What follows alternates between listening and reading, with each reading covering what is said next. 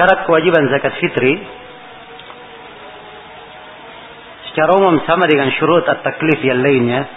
Tapi di zakat fitri ini ya diberikan ketentuan bahwa orang yang wajib mengeluarkan zakat fitri apabila dia punya ya kelebihan makanan di hari itu lebih dari dia punya kelebihan makanan sebanyak satu sok lebih dari kadar kebutuhannya dan kebutuhan keluarganya.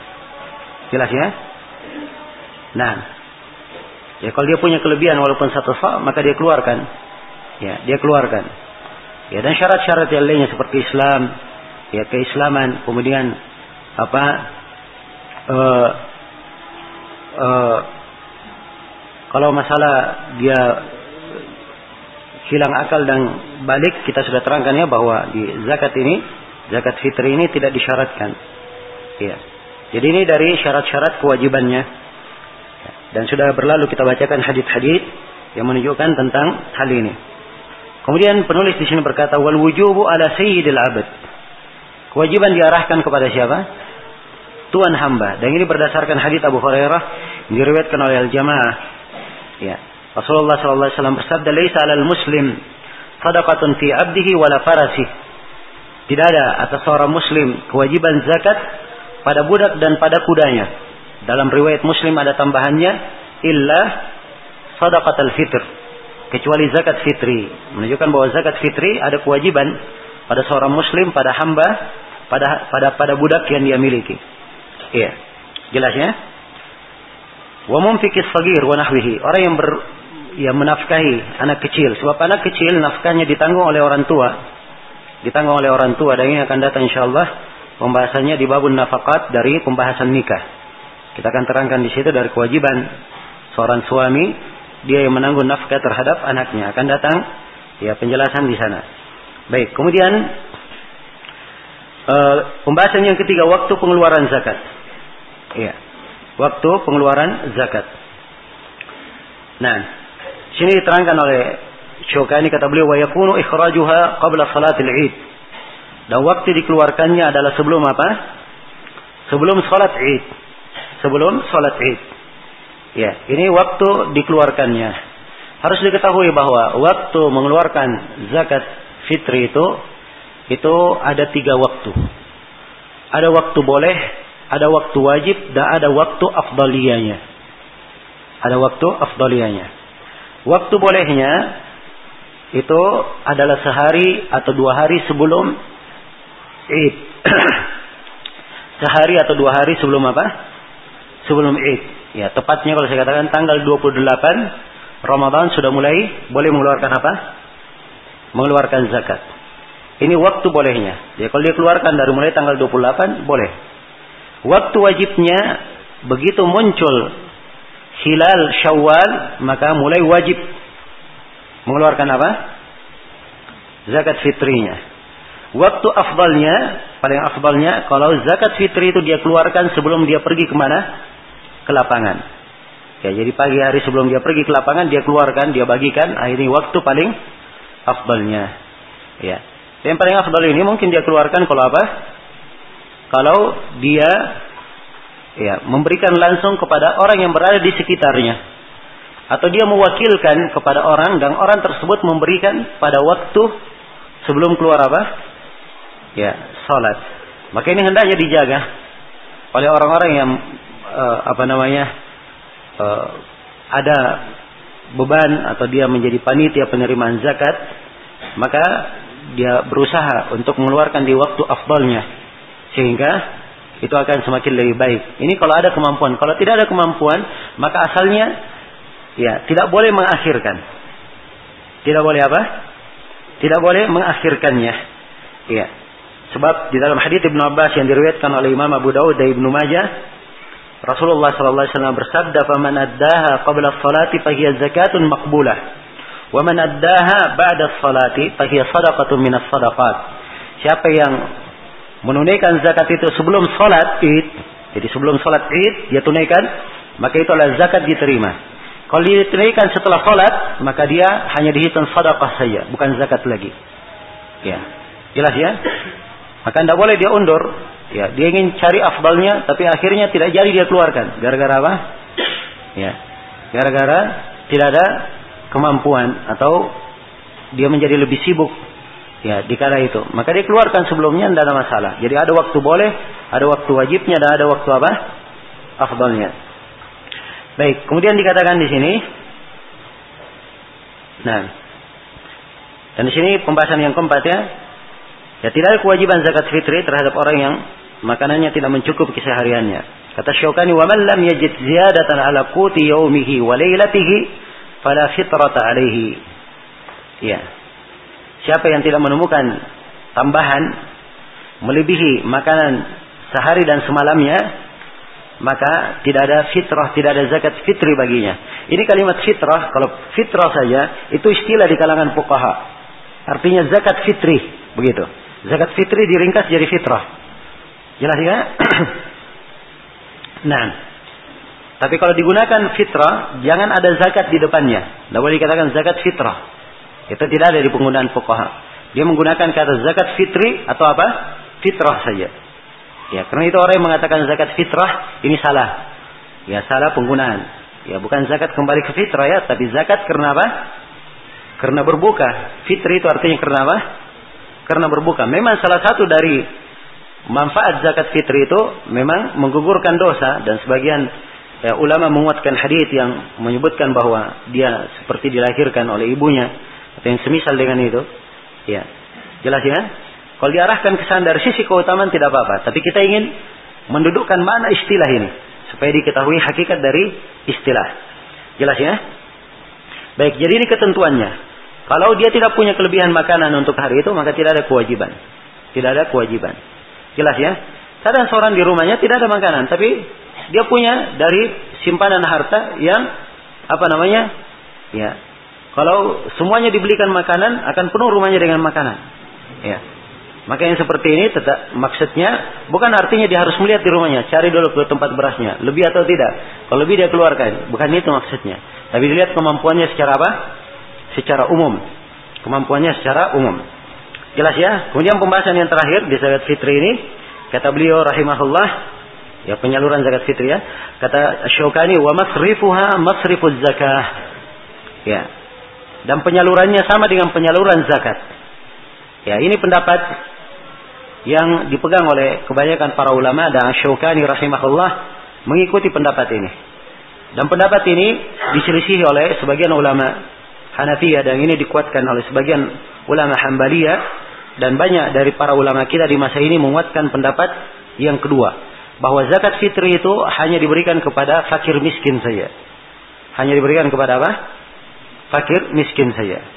Ya, dan mereka berdalilkan dengan hadis Ibnu Abbas yang diriwayatkan oleh Abu Daud dan Ibnu Majah, farada Rasulullah sallallahu alaihi wasallam zakat al-fitri tuhratan lis-saim min al-lagwi wal rafas wa ta'matan lil masakin.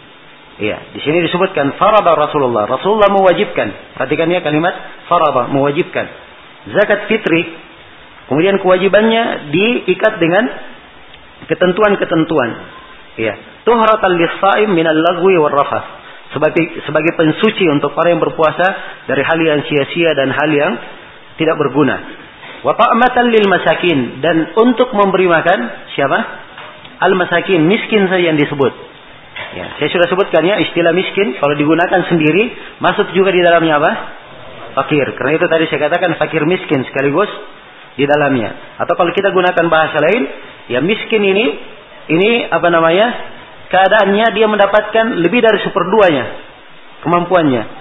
Maka kalau lebih dari seperdua kemampuan saja diberi, orang yang tidak mendapatkan lebih dari seperdua tentunya lebih berhak untuk apa? Lebih berhak untuk diberi. Jelas ya? Maka dari kata ta'matan lil masakin ini, ini dijadikan dalil bahwa penyalurannya khusus untuk apa? Orang-orang yang miskin saja. Dan perhatikan dari hadis-hadis yang saya bacakan tadi, semuanya dibahasakan dengan makanan. Dan kalimat ta'matan makanan kepada orang miskin. Karena itu zakat tidak boleh diuangkan. Tidak boleh di apa? Tidak boleh diuangkan. Tidak boleh dibayar dengan harganya, dengan kimahnya. Ya, dan ini termasuk kekeliruan. Ya, sebab zakat fitri ini banyak manfaat dan makna yang diinginkan dikeluarkan dengan makanan. Ya, yang pertama nampak syiar Islam. Ya, orang bawa makanan, bawa beras, ya dia bagikan. Itu nampak sekali syiarnya. Ya, kemudian yang kedua dengan makanan ini terjamin. Ya, keluarga itu ada makanan di rumahnya kan terjamin. Ya beda kalau diberi duit. Ya, beri duit mungkin dia beli yang lainnya. Ya, senang beli baju, beli yang lainnya. Ya, akhirnya besoknya dia kelaparan, tidak ada makanan di rumahnya. Ya. Nah, dan saya pernah jelaskan seperti ini di sebagian masjid, ya, yang apa namanya daerah Texas sedikit. ya, kata pengurusnya, oh ya benar itu ucapan Ustadz itu. Kemarin itu ada yang diberi zakat katanya. Akhirnya dia pakai berjudi katanya duitnya. Astagfirullah. Ya, kalau diberi makanan, oh, pasti itu akan bermanfaat untuk apa? Untuk keluarganya. Ya, baik. Jadi ini apa namanya? Kemudian harus diketahui ya, kalau dikatakan mengeluarkan dengan duit, oh itu lebih memudahkan. Kan orang sulit mengeluarkan. Maka kata memudahkan ini itu ada juga di masa Nabi. Nabi kan ada di masa Nabi ada mata uang kan? Ya, ada mata uang, ada ya. Kenapa Anda mengeluarkan dengan uang? Dengan dinar atau dengan dirham? Ya, karena memang dimaksudkan ya tidak boleh diberikan dengan apa? Kimahnya. Ya, dan ini kaidah akan uh, apa namanya? Uh, banyak mungkin berulang juga di pembahasan fikih. Sesuatu yang diketemukan sebabnya di masa Nabi, kemudian itu tidak disyariatkan, maka di masa setelahnya juga apa? Tidak disyariatkan. Jelas ya? Kalau dikatakan sebabnya supaya lebih memperingan, sebab yang dimaksud ini itu ada di masa Nabi, tapi apa namanya? Tidak dilakukan oleh Rasulullah. Ini menunjukkan hal itu tidak apa? Tidak disyariatkan. Tidak disyariatkan. Baik, selesai sudah pembahasan tentang zakat fitri. Sekarang kita pindah ke Kitabul Khumus. Iya. Di sini Kitabul Khumus di, di Al Khumus artinya seperlima. Ya, tentang seperlima bagian yang dikeluarkan. Ya. Ada uh, dua ahkam, dua hukum yang dikeluarkan seperlima dari harta di situ. Ya, atau kalau mau dirinci semuanya ada tiga hukum. Ya, ada tiga. Di dalam gonima, di dalam fai, dan di dalam apa? Di dalam ar-rikaz. Di dalam ar-rikaz. Asyokani, gonima dan al-fai itu pembahasannya sebenarnya di bab jihad. Ya, dan kebanyakan ahli fikih memang menyebutnya di pembahasan apa? Pembahasan jihad. Ya, tapi Asyokani di sini meletakkan al-khumus di sini karena masalah rikas dan rikas ini kaitannya dengan apa? Dengan zakat. Kaitannya dengan zakat. Iya. Jelas ya? Kata beliau rahimahullah, yajibu fi ma yughnamu fil qital wa fil rikazi wa la yajibu fi ma ada dhalika. Wa maqrifuhu man fi qawlihi ta'ala wa alamu anna ma ghanimtum min syai'in al-ayah. Ya, ini ada empat pembahasan. Ya. Seperlima bagian pada ghanimah. Yang pertama ya disebutkan yugnamu yajibu ma yugnamu fil qital. Wajib seperlima ini dikeluarkan. Al-khumus ini wajib dikeluarkan. ma yugnamu fil qital. Dari gonima yang diambil dari qital, dari peperangan. Ya harus diketahui ya bahwa pembahasan gonima di sebagian penggunaan kadang para ulama menggunakan gonima bermana fei dan fei untuk apa? Untuk gonima. Jelas ya? Nah, dan kelihatannya Syukani di sini ada terjauh dalam menggunakan uh, apa agak meluas dalam mengibaratkan. Nah, wajib pada apa yang didapat dari gonima fil kital di dalam peperangan. Di dalam peperangan. Ya perbedaan antara gonima dan alfei. Kalau gonima itu harta rampasan perang yang didapatkan setelah peperangan. Kalau gonima itu adalah harta rampasan tanpa ada peperangan. Jelas ya, jadi begitu menyerang ternyata tidak ada peperangan, mereka berhasil berkuasa maka apa yang didapatkan itu dihitung apa? dihitung fake. Dihitung fake. Jelas ya? Ya, ghanimah ini dikeluarkan seperlimanya berdasarkan ayat Al-Quran. Allah subhanahu wa ta'ala berfirman di dalam surah Al-Anfal. Wa'alamu annama ghanimtum min syai'in fa'anna lillahi khumusahu walir rasuli walidil qurba wal yatama wal masakin wa binis sabil. In kuntum tu'minuna billahi wal yawmil akhir. Nah, Wa'lamu anna ma ghanimtum min syai'in. Ketahuilah apa yang kalian dapatkan ghanimah, sesuatu apapun yang kalian dapatkan dari ghanimah, fa anna lillahi khumusahu. Maka untuk Allah seperlimanya. Ya. Kan disebutkan ya nanti di pembahasan ghanimah. Ghanimah itu kalau didapatkan dibagi menjadi lima bagian. Al-khumus seperlimanya, itulah yang disebutkan di sini, diberikan kepada Allah, ya, kepada Allah dan kepada Rasulnya. Allah dan Rasulnya sekaligus kepada dil kurba, al yatama wal masin dan apa? Ibnu Sabil. Jelas ya? Nah, itu al ghanimah. Kalau al-fai, memang al-fai langsung dibagi untuk lima apa? Lima golongan ini di dalam ayat di surah Al-Hasyr. Ma'afa Allahu ala rasulihi min ahli al-qura falillahi walir rasuli walidil qurba wal yatama wal masakin wa ibnis sabil. Ya. Apa yang Allah berikan fai kepada rasulnya dari ahli al-qura dari penduduk-penduduk negeri, maka itu untuk Allah dan rasulnya. Digabung sekaligus untuk Allah dan rasulnya. Dan untuk dil qurba wal yatama wal masakin dan ibnus sabil. Ya. Nah, lillahi wa rasul untuk Allah dan rasulnya. Apa maknanya untuk Allah? Ya, sejumlah dari para ulama dia mengatakan, ya untuk Allah artinya sebagiannya dikeluarkan untuk kemaslahatan Ka'bah. Untuk kemaslahatan Ka'bah. Tapi ini kelihatannya uh, agak sempit, ya. Itu masuk di dalamnya, tapi agak sempit. Ya, kalau dibahasakan bahwa lillahi war rasul ini satu bagian, ya jadi jadi dari seperlima ini ini dibagi lagi menjadi lima. Dibagi menjadi berapa? Lima bagian. Seperlimanya untuk Allah dan Rasulnya. Maksudnya seperlima itu digunakan pada kemaslahatan yang dipandang oleh Rasulullah Sallallahu Alaihi Wasallam. Untuk Rasulullah dan apa yang merupakan kemaslahatan umum. Walidil kurba, walidil kurba ini kerabat Rasulullah. Itulah Bani Hashim, ya, dan maulanya semuanya masuk di dalamnya. Walidil kurba wal yatama anak-anak yatim. Ya anak-anak yang dari kecilnya dia kehilangan. Anak-anak kecil yang kehilangan orang-orang tuanya. Nah dia diberikan juga seperlima. Ya wal masakin dan orang-orang miskin yang sangat perlu sangat uh, sangat apa namanya banyak kebutuhannya. Kemudian uh, wabnis sabil. Wabnis sabil adalah orang yang apa? Kehabisan bekal di jalan. Nah jadi ini pembagian disebut tentang ghanimah. Berikutnya di sini yang diberikan seperlima kata beliau wafir rikas. Ini pembahasan yang kedua, seperlima bagian pada rikas.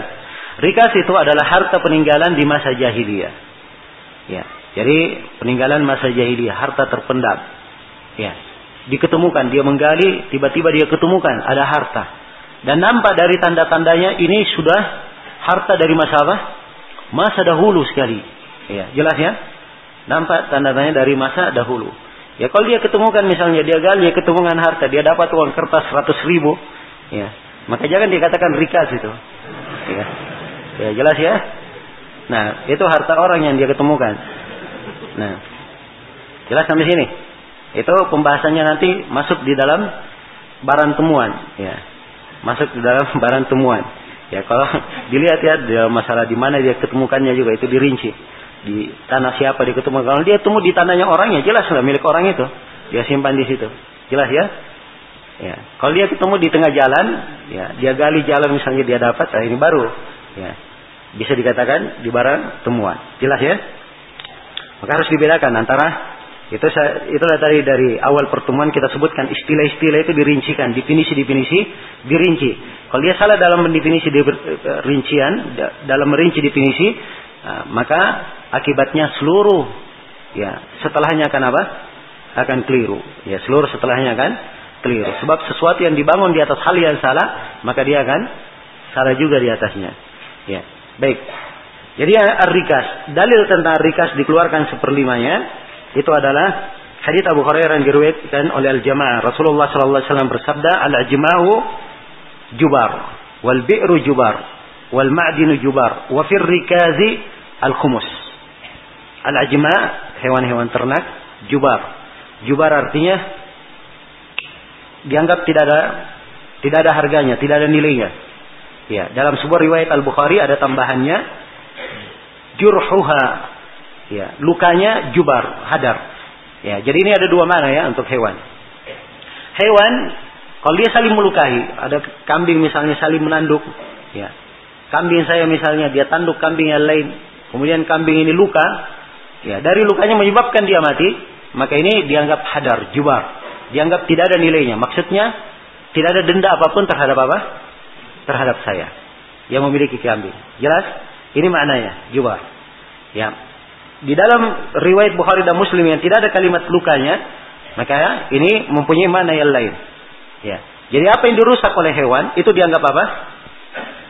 Dianggap jubar. Ya, misalnya hewan masuk ke tanaman, habis tanaman orang, dirusak. Jelas ya? Habis tanaman orang dirusak. Maka ini dianggap apa? Jubar, tidak dihitung. Jelas ya?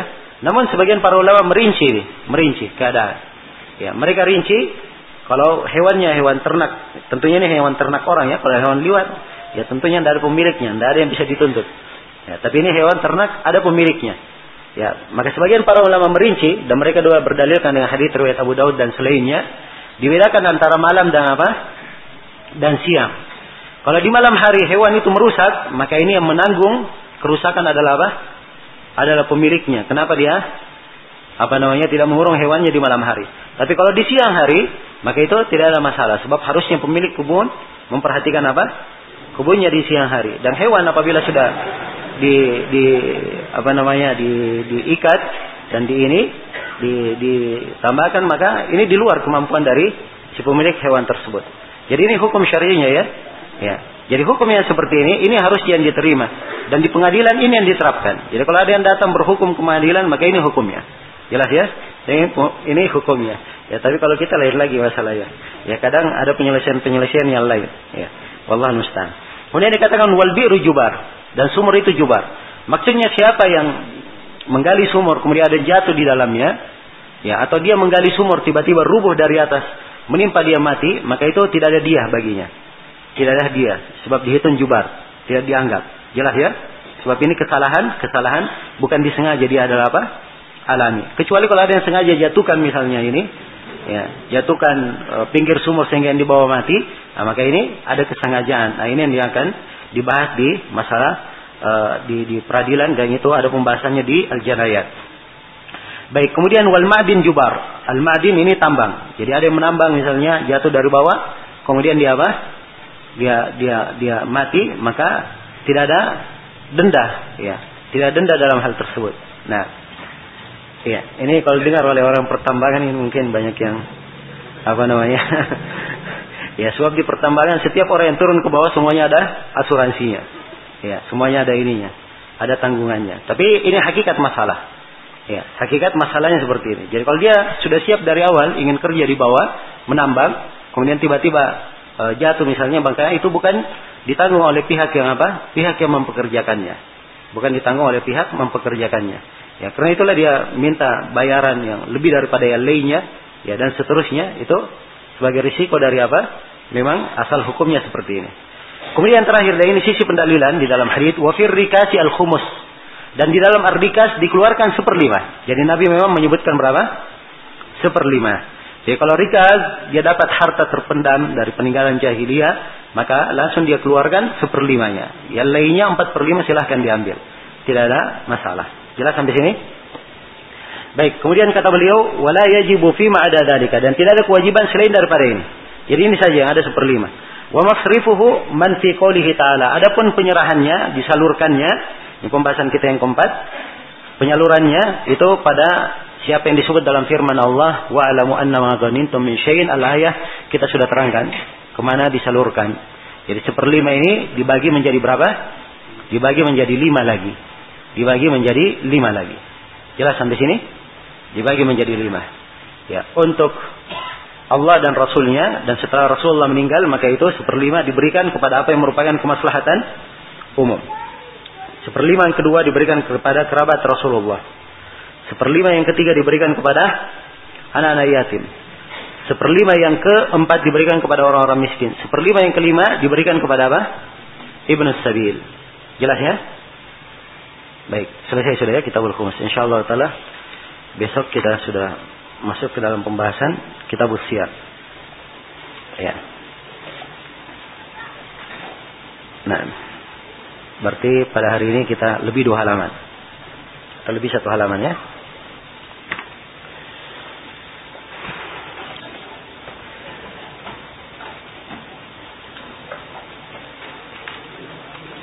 Tolong pertanyaan yang berkaitan dengan materi